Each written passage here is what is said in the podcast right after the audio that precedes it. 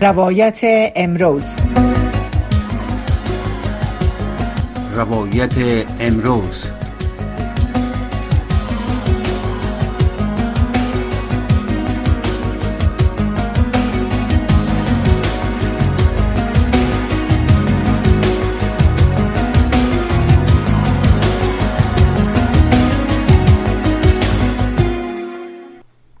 سلام بیننده ها و شنونده های گرامی رادیو آشنا صدای امریکا از واشنگتن. من محمد احمدی هستم. میزبان برنامه این ساعت در نیم ساعتی که اکنون آغاز شده است در خدمت شما هستم با بحث امروز وزارت خارجه ایالات متحده امریکا دو مقام حکومت طالبان را در فهرست تحریم های خود قرار داده است. این تحریم ها چقدر بر تغییر روی کرد و برخورد طالبان با آزادی های زنان و دختران در افغانستان تأثیر گذار خواهد بود؟ و دلیل این نوع تحریم ها بعد از دو سال حاکمیت طالبان از سوی امریکا چی است؟ این پرسش ها را با آقای عبدالصبحان مصباح معاون اتحادیه حقوقدانان افغانستان ساکن امریکا در برنامه روایت امروز از رادیو آشنا امریکا مطرح می کنیم و همچنین پرسش های را از ایشان میشنیم آقای مصباح سلام روزتان بخیر خوش آمدین به برنامه امروز. علیکم السلام سلامت باشین تشکر سلام خدمت شما و شنونده های محترم. لطف شماست جناب مصباح. بیایم بحث را با این پرسش مطرح بکنیم که چطور شد که در آستانه 75 مین سالگرد به اصطلاح حقوق بشر این منشور حقوق بشر ایالات متحده امریکا اعلام کرده است که دو مقام طالبان قسمی که در بیانیش اعلام شده است یکی آقای فریدالدین محمود رئیس اکادمی علوم و خالد حنفی وزیر امر به معروف و نهی منکر حکومت طالبان در فهرست این تحریم ها اضافه شده است. چطور شد که امریکا تصمیم گرفته به نظر شما این دو فرد را در فهرست تحریم ها اضافه بکنه؟ تشکر. ببینین بحث اساسی خویی است که از زمانی که اعلامی جهانی حقوق بشر نافذ میشه و افغانستان هم یکی از کشورهایی است که بسیار در مقطع زمانی او را میپذیره بدون شک اعلامیه در افغانستان به شکل متواتر خصوصا در اواخر نقد میشه. و این نقد سبب ازی شده که بالاخره ایالات متحده امریکا هم در اواخر مسئله ازی رو مطرح می‌کنه که یک برای گروه حاکم در افغانستان برای طالبا و, نمود بسازه که اینا حقوق بشر را نقص کرده. و یک نوی از مجازات برای از اینا در نظر گرفته. یک هشدار است برای برای برای طالبا که وضعیتی که برقمی که اینا پیش میرن به که اینا بسیار بسیار راحت هستند بسیار راضی هستند از کارایش برایشان یک هشدار است که نخیری مسئله واقعیت نداره. اما مسئله ای است که این موضوع بسیار زیاد شدیدتر از این حالت است. وضعیت افغانستان یعنی تناسب بین وضعیتی که وجود داره و بین این محدودیتی که توسط دو شخص آمده اصلا وجود نداره مسئله مهمتر است. مشکلات بر جای خود باقی است و افغان ها متاسفانه که حقوق اساسی و ذاتی از اونا که من حیث یک انسان باید در, در هر حالتش از او باید مستفید شود که از همه مهمترش حق تعلیم است حق کار است حق مشارکت سیاسی است و امثال از بنا متاسفانه که از این محروم است. بله آقای مصباح چه فکر می‌کنید؟ چرا تنها این دو مقام که در واقع به نحوی به طور مستقیم البته میشه که گفت دخیل در سرکوبی آزادی های زنان آنچه را که در اعلامیه وزارت خارجه امریکا مبنی بر دلیل این تحریم قرار دادن دو مقام ذکر کرده از جمله اینکه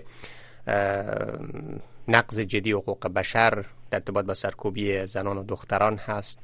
از طریق محدود کردن دسترسی به آموزش متوسطه و برای زنان و دختران که صرفا بر اساس جنسیت بیان شده است.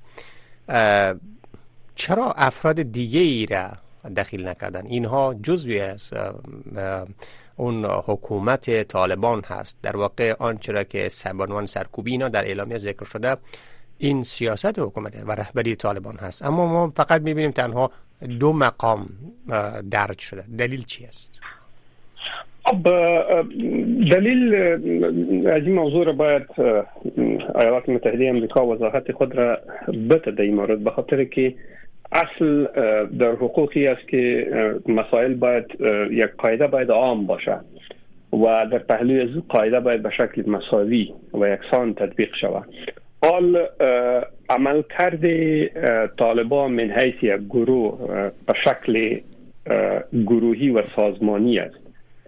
هر نوع محرومیتی که برای فعلا در خصوص خانم ها برای تعلیم حق تعلیم و کار و امثال از او با وجود آمده در افغانستان این مربوط به دو نفر نمیشه.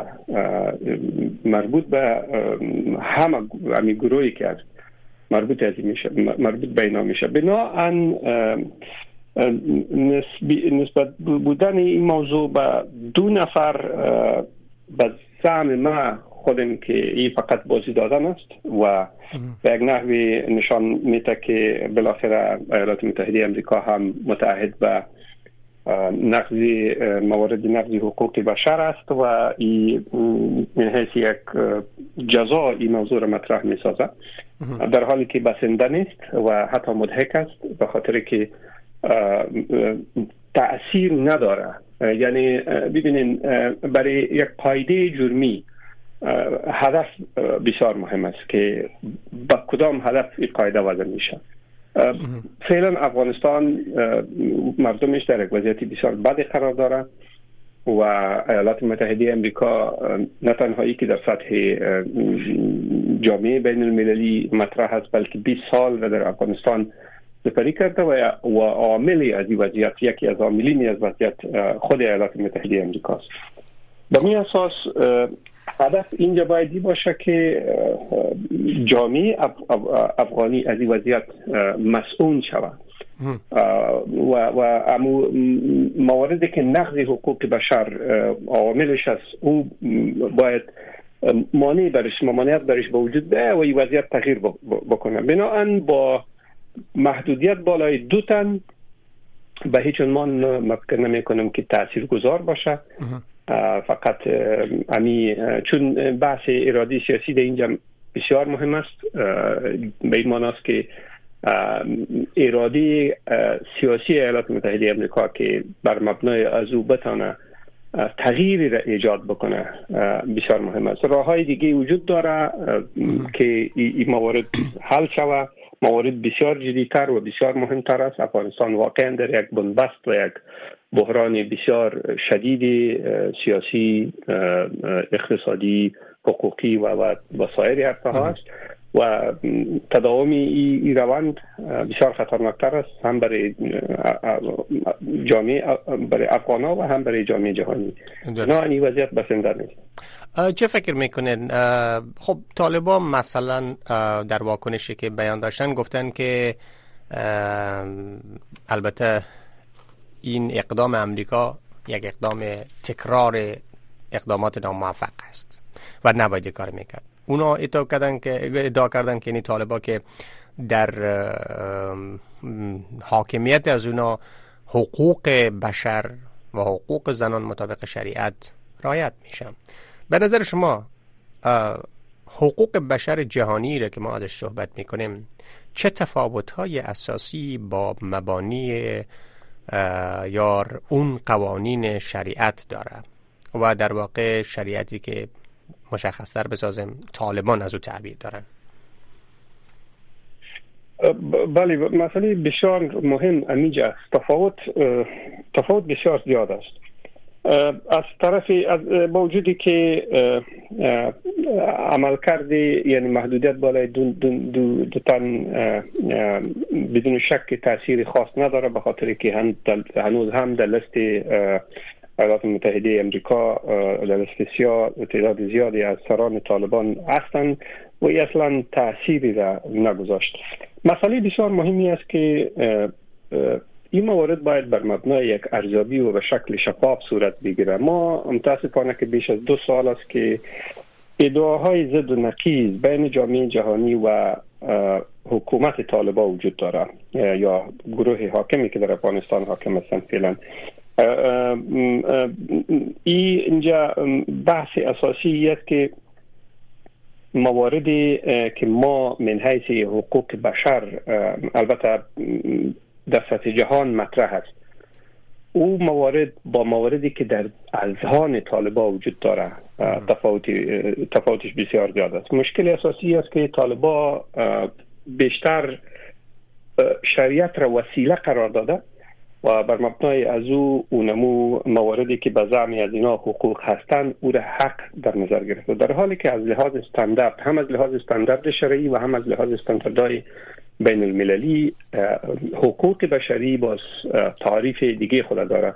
در موارد مشخصش که در قوانین افغانستان بازو مطرح شده زیر عنوان حقوق بشر در قانون اساسی 1382 است که از ماده 22 الی ماده 59 در کل مواردی که از حق تصاوی زن و مرد در برابر قانون شروع تا حق حیات حق محاکمه عادلانه دسترسی به اطلاعات تشکیل اعضا انتخابات مثلا حق کار حق تعلیم و تحصیل و حق همسال از این سایری حقوقی است که هم در اعلامی جهانی حقوق بشر در کنوانسیون هایی که در سطح جهان هستند و هم در شریعت و هم در کلی اصول است بناهن طالبان این خصوص موارد بسیار اساسی را مثل حق کار و حق تعلیم و مشارکت سیاسی و امثال ازی را بالایش چشم پوشی می‌کنه و حتی توجیه می‌کنه. توجیهات مختلف دین را وسیله قرار داده. بنابراین با تفاوت از این تفاوت های بسیار عمده در, در این است. بحث مهم با ایالات متحده ای است و با جامعه جهانی که این موارد به شکل جدی ترش مطرح شود. مثلا در دو سال صحبت این میشه که حکومت هم شمول نقش خانم ها مثلا باز کردن مکاتب. ولی از طرف دیگه باز تعامل ادامه داره مثلا پول های نقد ادامه داره یا بحث ادامه داره مثلا نماینده خاص ایالات متحده امریکا میره در پاکستان و قطر و دبی و در کشورهای عربستان اینجا سفر می‌کنه. یعنی چی؟ خب مستقیما باید صحبت شود با این مردم. اگر اینا با این حدی که اعتبار به دست آورده و ببینین در یا در قطر یک جای دیگه مسائل مطرح شود و مسائلی که مطرح میشه. مواردی باشه که به نفع مردم افغانستان باشه. و او موارد حقوق بشری مردم است. حق تعلیم است و حق کار است و امثال از این. بله یک نکته مهمی که میشنم در ارتباط بپرسم که چه فکر می‌کنین؟ وقتی که تحریم ها صورت می‌گیره از لحاظ بود قانونیش در سطح جهان یعنی این تحریم ها فقط این افراد را ملزم می‌سازه یا محدود می‌سازه در فعالیت های خود در املاکی که دارایی که دارد تنها در رابط با ایالات متحده امریکا یا در تمام جهان. چون مشاهد هستیم که شماری از مقامات طالبا در صورتی که در حالی که اونها مربوط یک مقام حکومت مشروع نیستند سفرهایی را انجام میدن. به عنوان مثال نمایندگانی دارن در کشورهای مختلف منطقه و همسایه. به اروپا هم اخیرا در سر شبکه اجتماعی نشر شد که برخی از مقامات در گرد حمایه های مردمی سخنرانی هایی داشتن از جمله در کلن آلمان. چقدر به معنای واقعیش وضع این تحریم ها عملی صورت می‌گیره. من فکر می کنم که وضع تحریم ها بیشتر جنبه سیاسی داره نسبت به ای که جنبه حقوقی و یا هم امو مواردی که باید به نتیجه ارتباط بگیره بدون شک که ایالات متحده امریکا بر مبنای قوانین نافذه خود نوی از مجازات و محدودیت بالای سفر و, و تحریم بالای یک سلسله حقوق کسایی که متهم باشند وضع کرده می‌تونه و این روال ادامه داره است وقت های بسیار قبل و با بیشتر با کشورهای افریقایی و, و کشورهای آسیایی و به شمول افغانستان بعد از جنگ 11 سپتامبر به این طرف این موارد ادامه داره. اما مسئله بسیار مهمی است که این فقط یک وسیله است برای از اینکه اعضای نامه را مخشوش بسازه و متوجه بسازه که گویا اینا یک فعالیتی را انجام میده در حالی که اگر ما به بحرانی به شدت و وخامت بحران ببینیم مسئله بسیار تفاوت داره نسبت به که اینا اینا و مجازات را در نظر می‌گیره. بنابراین تاثیر بالای افراد نمی‌کنه. او اشخاصی که بالای محدودیت وضع میشه اونا اکثرشان عملا سفر می‌کنه و اینجا اونمو یعنی از لحاظ عملی بسیار زیاد موثر نبوده. و, و, و به نظر شما چرا این محدودیت ها وقتی که صورت می‌گیره نمی‌تونه تأثیر گذار باشه؟ یکی خب شما دل دلیلش برشمردن که دلیل دلایل سیاسی هست. اما این افراد آزادانه سفر می‌کنن یک تعدادشان. و یکی دیگه بر تمامی این افرادی که همسو با این سیاست گذاری و مشی هستند به عنوان مثال مشخصا طالبان. هیچ وقت صورت نمی‌گیره گرچه شما بیشتر برشمردن که دلایل سیاسی می‌تونه باشه اما وقتی که مبانی حقوق بشری اساسی نقض میشه فکر می‌کنین که دلیلش چی است؟ اینجا یک بحث بحث مربوط به بین بود بین, بین المللی بودن قضیه هم است. کشورها مستقل هستند بحث سفر اگر مطرح میشه خب درست است. ایالات متحده امریکا امو نفوذ خود را در بیشتری از کشورها داره خصوصا با استفاده از اینمی اسناد بندلی که بر مبنای از این محدودیت را وضع می‌کنه. اما به هر حالتش کشورها با استفاده از اصل استقلالیت خود و با استفاده از اونمو اهداف خاص خود که داره این فرصت را برای اینا مساعد می سازن که سفر بکنه و ایالات متحده خود نمی‌تونه که همه کشورها را به حد زیر کنترل قرار بده که کی در کجا سفر می‌کنه و چطور سفر می‌کنه. اصلا این ای مسئله مطرح نیست. بنابراین اینجا یعنی بودی بین بودن قضیه هم یک, یک نقش خود را داره و این امی است که تأثیری که باید بکنه یعنی در خود در ذات خود نوی از اینمی حرکت ها با او جوامع با او با افغانستان و یا کشورهای دیگه بسیار تاثیرگذار نبوده. کدام نتیجه خاصی را هم ندادن. 20 سالی که این محدودیت ها وضع شده اصلا تاثیری بالایشان نکرده به خاطر که اصل تناسب اینجا وجود نداره. یک تناسب بین جرم و جزا باید وجود داشته باشه که جرم به چه هدف به مو اندازه باید برش مجازات رو در نظر بگیره. تا ای که به اصل هدف که اونمو هدف اونمو قایدی حقوقی است در نظر بگیره. بنان این تصامیم در کل تصامیم سیاسی است. تصامیم است که فقط فشار وارد می‌کنه اما به صراحت می‌تونم بگویم که در عقب همچو تصامیم اراده سیاسی که به نفع مردم افغانستان باشه و نتیجه را به بار بیاره متاسفانه که نیست. فقط به خاطر که بیش از دو سال میشه که وضعیت افغانستان بحرانی است و, موردی که باید صحبت شود موردی که باید راه های حل برش در نظر گرفته شود و یک, یک مسیر و یک استراتژی درست را تعیین بکنه تا مردم بر مبنای از زندگی آرام و مرفه داشته باشه و یک آینده سعی داشته باشه. متاسفانه که نه جامعه جهانی در خصوص نه ایالات متحده امریکا و نه هم خود طالبان در خصوص برنامه خاص خود را داره اگر می داشتن باید زمینه را برای قانون اساسی برای انتخابات و برای از اینکه چطور یک یک حکومت مشروع داشته باشه فراهم می‌کرد تا بر مبنای از او پیش بره. با وجودی که یک سلسله کارهای طالبا خوب است. امنیت را تقریبا تامین ساخته پروژه های اقتصادی و باز موارد است. اما این بسنده نیست. ما به یک نقطه ضرورت داریم که در اونجا موارد حقوق بشری تضمین شود. در اونجا بحث تفکیک قوا مطرح شود قدرت منظم شود.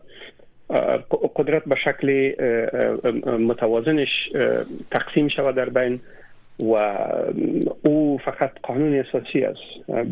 و الا این موارد بسیار کوچک است. افغانستان کشور کلامتون قطع می‌کنم جناب مصباح. افغانستان کشور اسلامی هست قوانین اسلامی در قانون اساسیش و در سایر قوانینش رایت میشه. چه فکر می‌کنین؟ آیا در واقع مردم افغانستان و کسانی که عموما در افغانستان هستند به یک نحوی احترام دارن و یعنی منظور که پذیرفتن این قوانین اسلامی را و زمانی که قوانین اسلامی را میپذیرن طبعا بعضی نکات را که پیشتر به شما اشاره کردین در اندکی تفاوت با قوانین حقوق بشری هست. آیا خود همی اختلاف فکر می‌کنین؟ باعث میشه که یک نوع پناه معمن یا گریزگاهی برای طالبان باشه در رعایت نکردن مبانی حقوق بشری جهانی؟ ببینین بحث اساسی به نظر ما اینجا کم آگاهی یا در کل عدم آگاهی از حقوق است در کل از قوانین است. مسئله مهمی است که هیچ طور موردی نیست که شریعت اسلام با قوانین موضوع در تضاد باشه. من مثالش براتان میارم که موردی که در, در, در تضاد است او ماده 16 و 18 اعلامیه جهانی حقوق بشر است. مثلا قانون اساسی 1382 که در کل موارد را که در نظر گرفته در 162 ماده در کل ماده 6 از این رابطه با منشور ملل متحد کنوانسیون ها و اعلامیه جهانی حقوق بشر ربط را پیدا کرده. ماده سی باز مشخصا مثلا را قسم ساخته که در افغانستان هیچ قانونی برخلاف معتقدات اسلامی وضع شده نمی‌تونه. ماده 16 و 18 اعلامیه جهانی حقوق بشر بحث ازدواج و بحث انتخاب دین را آزادی برش در نظر گرفته. اما 57 کشور جهان که 58 کشوری که در سطح جهان مسلمان هستن حکومت های مسلمان هستن اینا یکی از اینا هم این ماده 16 و 18 اعلامیه جهانی حقوق بشر را نپذیرفته. در کل تضادی وجود نداره. بین مواردی که احکام شرعی و بین اصولی که در سطح جهان مطرح است. اما احیانا اگر باشه مردم افغانستان از بسیار قبل موارد اسلامی ولو اگر یک کسی از سواد کافیت برخوردار هم نباشه فرهنگ اسلامی اونجا وجود داره. مردم همه موارد را یاد دارن. یعنی به شکل اتومات این موارد ملغاست. بنان این هم بهانه ها است که صورت می‌گیره و در اینجا مسکن نمی کنم که این مسئله در عمل شاید یک کمی تفاوت باشه اصلا به خاطر که طالبا امیال عملا استفاده می‌کنه از از این مواردش که نصفی از طبقه نصفی از مردم افغانستان را محروم ساخته از حقوق اساسیش. ولی در تیوری این محرومیت وجود نداره.